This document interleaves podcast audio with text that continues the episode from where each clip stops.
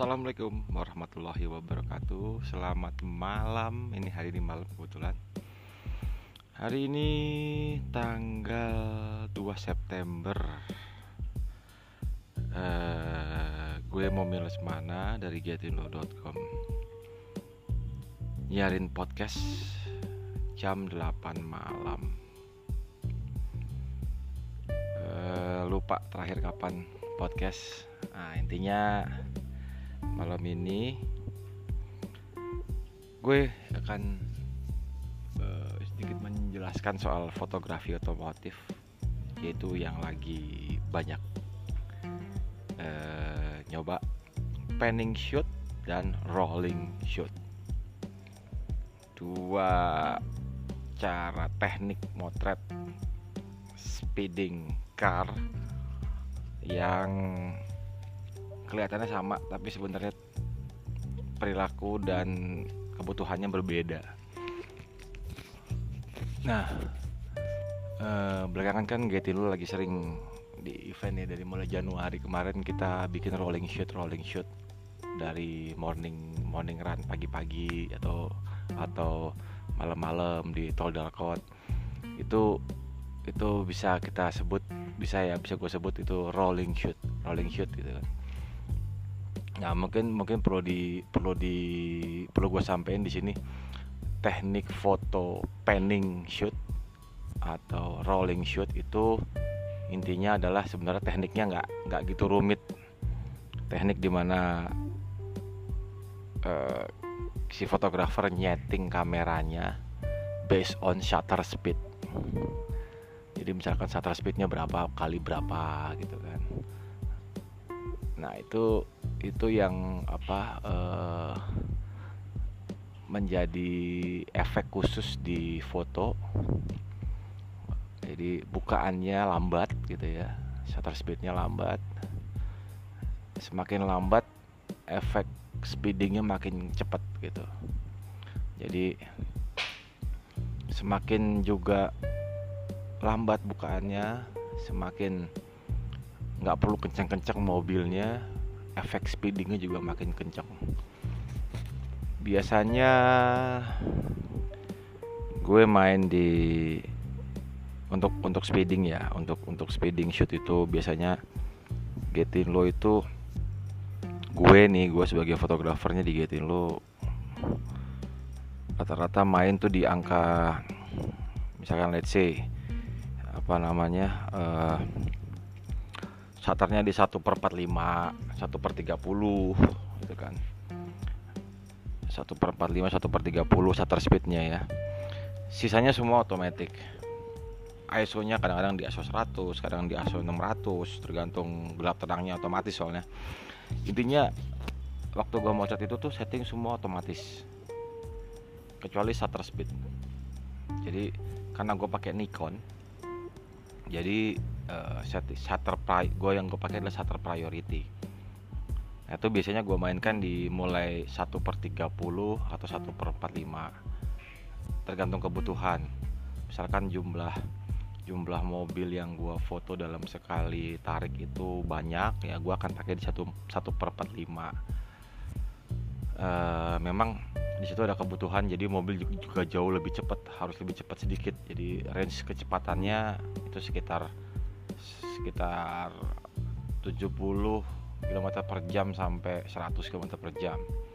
Sehingga ngasilin efek yang lebih bagus. Beda dengan shutter speed yang lebih rendah misalkan 1 per 30 atau 1 per 20 atau 1 per 10 misalkan lebih lebih lambat lagi itu mobil nggak harus kenceng-kenceng kalau di satu per sepuluh. Tapi noise nya juga gede. Jadi cleanness cleannessnya berkurang. Kalau yang megang juga ini. Dan biasanya tuh fotografer-fotografer ngakalinya pakai rig atau apa gitu sehingga stabil stabilisasi kameranya atau DSLR-nya terjaga. Nah ini ini kita ngomong soal soal teknik tadi ya teknik yang gue pakai gitu. Kalau di rolling shoot kan gue mau ngejelasin soal panning shoot sama rolling shoot. Bedanya apa sih sebenarnya? Kalau bicara kebutuhan bicara kebutuhan secara teknis secara apa namanya setting kamera sih sebenarnya semuanya otomatis ya. Untuk di Nikon dan Canon gue sama nggak akan jauh beda. Semuanya sudah disetting gitu dari shutter speednya tadi. Nah yang membedakan adalah uh, gue akan jelasin kalau pending shoot ya. Pending shoot itu sebenarnya lebih rendah resourcesnya kebutuhannya jadi hanya si fotografer dan objek fotonya sendiri gitu. jadi si pending shoot ini si fotografernya diem. Fotografernya diem objek yang ditembak itu bergerak. Jadi objeknya bergerak nih fokus objeknya bergerak. Misalkan mobil di crowd keramaian gitu atau di sirkuit gitu kan. Kebutuhannya untuk kamera mungkin agak sedikit lebih berat di kameranya. Misalkan lensanya gitu ya lensa telenya lensa prime lensnya gitu kan itu itu butuhnya lebih lebih lebih tinggi lah kebutuhannya.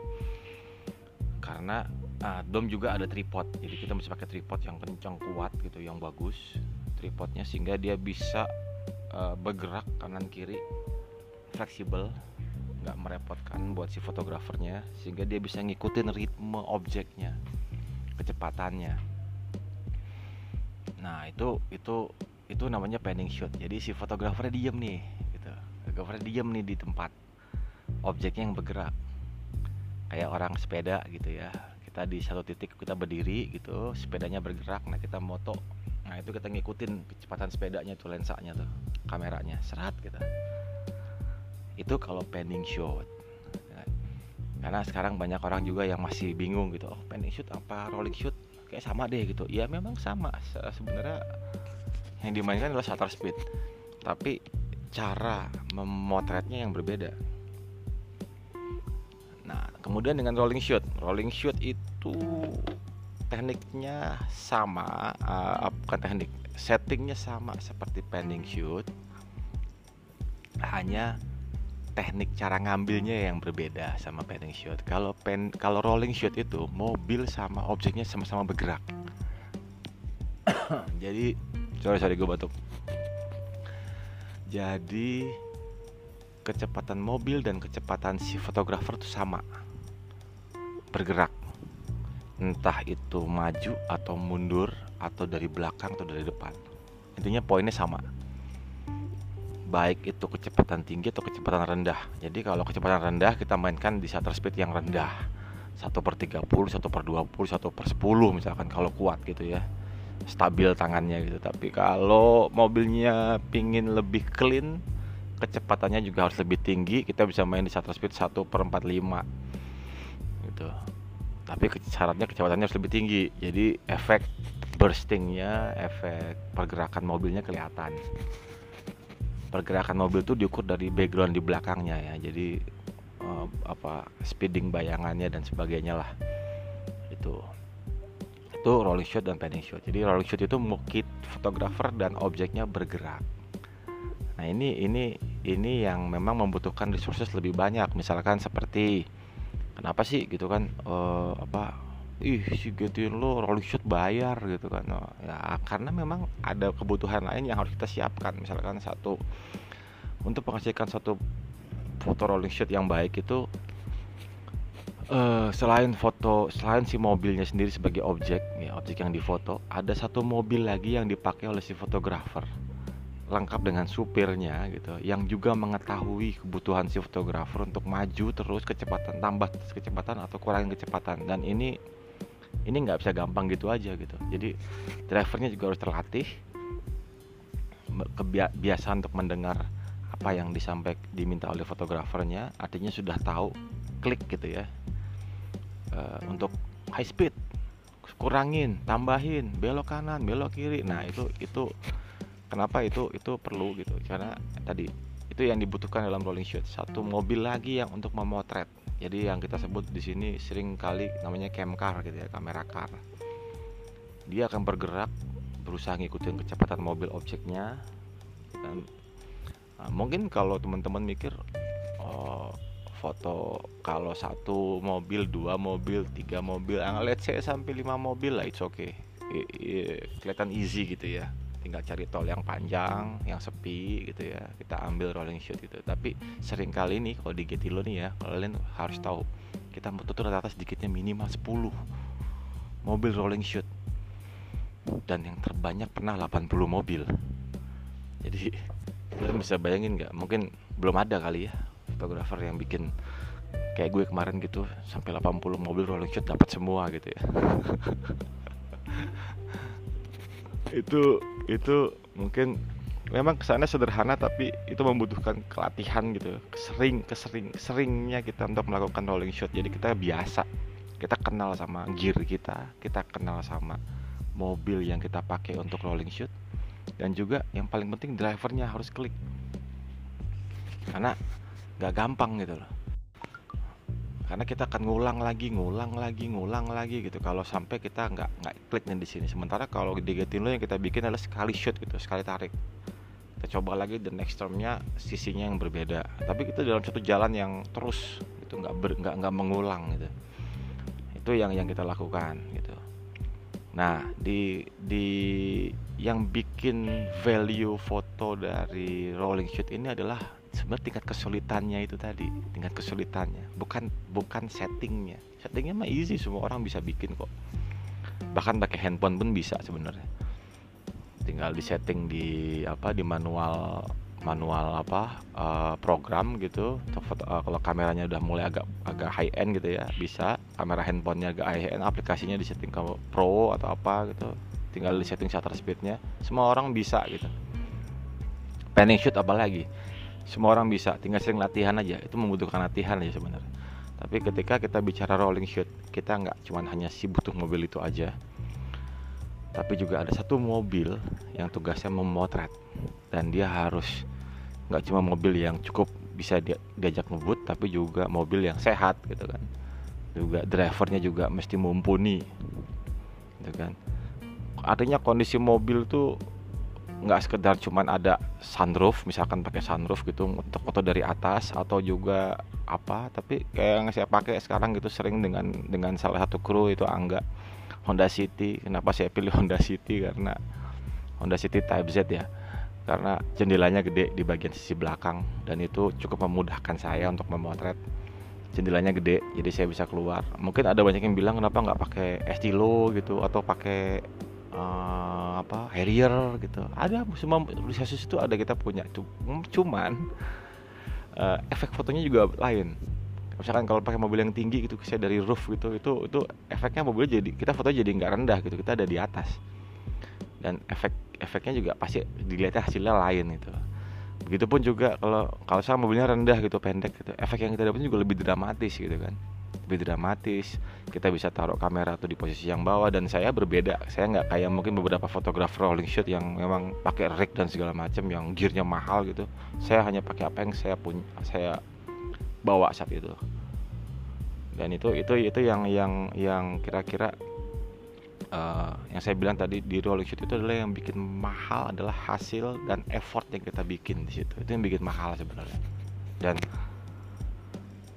uh, for your information soal weekend roll and ride gitu dengan registrasi 100 ribu itu menurut gue sih murah banget ya. Kita kita kita sama sekali nggak ngitung soal uh, apa uh, eh, ROI termnya dari si kamera shutternya sendiri. Karena kan setiap kali kita foto satu scene aja tuh bisa mungkin 300 400 shoot gitu ya itu kan ada shutter count. Nah, itu yang harus kita hitung sebenarnya. Artinya kenapa sih orang kalau mau bikin rolling itu sebenarnya sangat mahal kalau menurut gua? Untuk motor satu mobil aja itu mungkin kalau kita hitung costnya mungkin di atas secara normal ya. Kalau kita hitung sama sama kameranya nih hitung bener-bener gitu mungkin di atas 10 juta gue rasa kalau kita hitung bener-bener. Untuk satu mobil ya. Tapi kalau karena kita nggak ngitung ke sana kita ngitung adalah uh, hanya lebih ke effort ke e, manpowernya. Jadi dan juga ini juga merupakan konten dari Getino sendiri. Itulah yang kita bebankan ke para peserta. 100 ribu sampai 150 ribu dan it's not a high price gitu loh. Jadi uh, banyak yang bilang gitu mungkin menurut gue mungkin lo harus cek lagi lo lo car enthusiast bukan gitu lo car enthusiast seneng di foto mobilnya atau bukan itu aja sih. Sebenarnya balik lagi ke situ gitu. Lo ngerti nggak gitu meanwhile dia harus beli big break it uh, big break it dengan harga 9 juta 12 juta 20 juta Airsus dengan harga sekian. Tapi lo for spend 100 ribu or 150 ribu lo nggak mampu lo bilang itu mahal. It's a prick man. Jadi menurut gue itu inilah apa ya either lo cuma pingin ya gue kan udah mau di mobil gue keren sampai pol-polan tapi gue di foto harus bayar gitu. Jadi ya bukan masalah itu. Problemnya adalah uh, ada yang salah komunikasi mungkin ya di antara itu. Jadi ya atau either just suka atau nggak suka aja di foto sama siapa dan siapa gitu kalau menurut gua. Tapi gue agak kurang agak kurang senang ketika ada yang bilang gila eh, foto mahal banget sih gitu. Uh, menurut gue itu nggak bukan cuma untuk getin lo juga tapi untuk siapa aja gitu. Siapa aja yang mem memproduksi rolling shoot gitu. Menurut gue kalian worth untuk dibayar. Terserah kalian mau menilai di angka berapa gitu tapi kalian worth untuk dibayar. Dan stop kasih gratis-gratis untuk untuk satu hal yang effortnya cukup berbahaya karena roadshow itu berbahaya menurut gue kalau roadshow itu bener ya. Kedua roadshow itu hasilnya adalah karya men. Jadi momentum uh, scenery yang dihasilkan tuh bisa berbeda. Tiap foto tiap jepretan dalam satu atau 10 menit waktu yang sama gitu ya. Jadi buat yang bisa menghargai ini value-nya besar sebenarnya. Tapi buat yang nggak bisa menghargai mohon maaf. Uh, lo mesti stop jadi anak mobil kayaknya untuk bicara soal rolling shoot ya. Mending lo lo mestinya lo mestinya bisa mengapresiasi. Kalau lo pingin diapresiasi lo bisa mengapresiasi orang lain pertama baru lo akan terapresiasi. Jadi itu itu itu itu basicnya. Jadi intinya jadi gue jelasin ya perbedaan panning shoot dan rolling shoot. Kalau panning shoot fotografernya diam. Kalau si rolling shoot dua-duanya bergerak nih objek dan si fotografernya. Itu ya. Nah, bicara soal gear tuh masing-masing terserah. Tekniknya juga bisa uh, teknik dan setting bisa kalian lihat di YouTube banyak. Uh, fotografer-fotografer amatir dan profesional yang sudah bikin tekniknya caranya di YouTube atau di browsing aja di Google gitu banyak lah gitu. Tapi pesan gue cuma satu latihan yang banyak. Sering-sering latihan sering-sering latihan. Dan juga uh, sisanya nanti mungkin teman-teman udah biasa pada pakai Lightroom atau apalah aplikasi editing Photoshop segala macam itu nanti bisa di retouch di sana diperbaiki warna dan sebagainya. Itu itu itu, tapi yang menarik buat gue ketika gue rolling shoot dari mulai Januari ya sering-sering rolling shoot dari Januari sampai sekarang ini adalah cuaca berpengaruh untuk Jakarta ya. Cuaca berpengaruh warna langit warna gedung warna jalan udara itu semua berpengaruh. Jam juga berpengaruh. Dan ini membutuhkan tidak sekedar cuman gear yang keren dan mahal tapi juga uh, kepiawaian. Jadi itu semua nggak ada pentingnya tuh. Bicara gear-gear tadi tuh ya kita ngomong gear tadi itu only a gear gitu loh. Tapi yang penting tuh kitanya. Kitanya punya will nggak gitu untuk untuk untuk melakukan itu gitu loh. Itu menurut gue pesan gue itu. Jadi poinnya ada di kita. Kalau lo cuman jadi fotografer yang milih-milih gitu kalau lo punya komitmen mau foto rolling shoot lo milih-milih untuk untuk baru latihan gitu wah lo mendingan stop jadi fotografer lo mendingan jadi orang yang difoto aja. Tapi kalau lo imam pingin jadi fotografer lo pingin, semua itu objek lo gitu. dan semua itu akan ngasilin karya seni yang berbeda-beda. Dan dan ah, di situ lo diukur nanti sama orang lain. Terserah. Dan kalau gue sih nggak peduli ya orang mengukur kayak gimana buat gue pribadi gitu. Ketin lo sudah ada dari 2012 dan dari situ gue motret sampai hari ini gue nggak pernah peduli respon orang apa tentang foto-foto gue uh, terserah mau bagus mau enggak. Tapi intinya yang gue bikin adalah terus terus berkarya terus bekerja terus berpikir terus menciptakan ide-ide baru atau tren-tren yang sebenarnya sudah sudah pernah dilakukan orang lain tapi kita angkat lagi gitu kan. Itu yang yang sehingga yang lain jadi ikut-ikutan gitu kan. Nah, itu itu itu yang terus gue bikin digetin lo oke? Okay? kalau ada pertanyaan bisa WhatsApp gue atau DM gue di IG IG gue at momiles mana. Bisa DM di situ kalau mau tanya lebih lanjut. But sorry setiap chef itu punya rahasia di masakannya. Jadi mungkin nggak semuanya gue akan share. Tapi teknik-teknik basic pasti gue kasih. Oke? Okay? selamat malam. See you at the next podcast Assalamualaikum warahmatullahi wabarakatuh. Mau miles mana dari getino.com cabut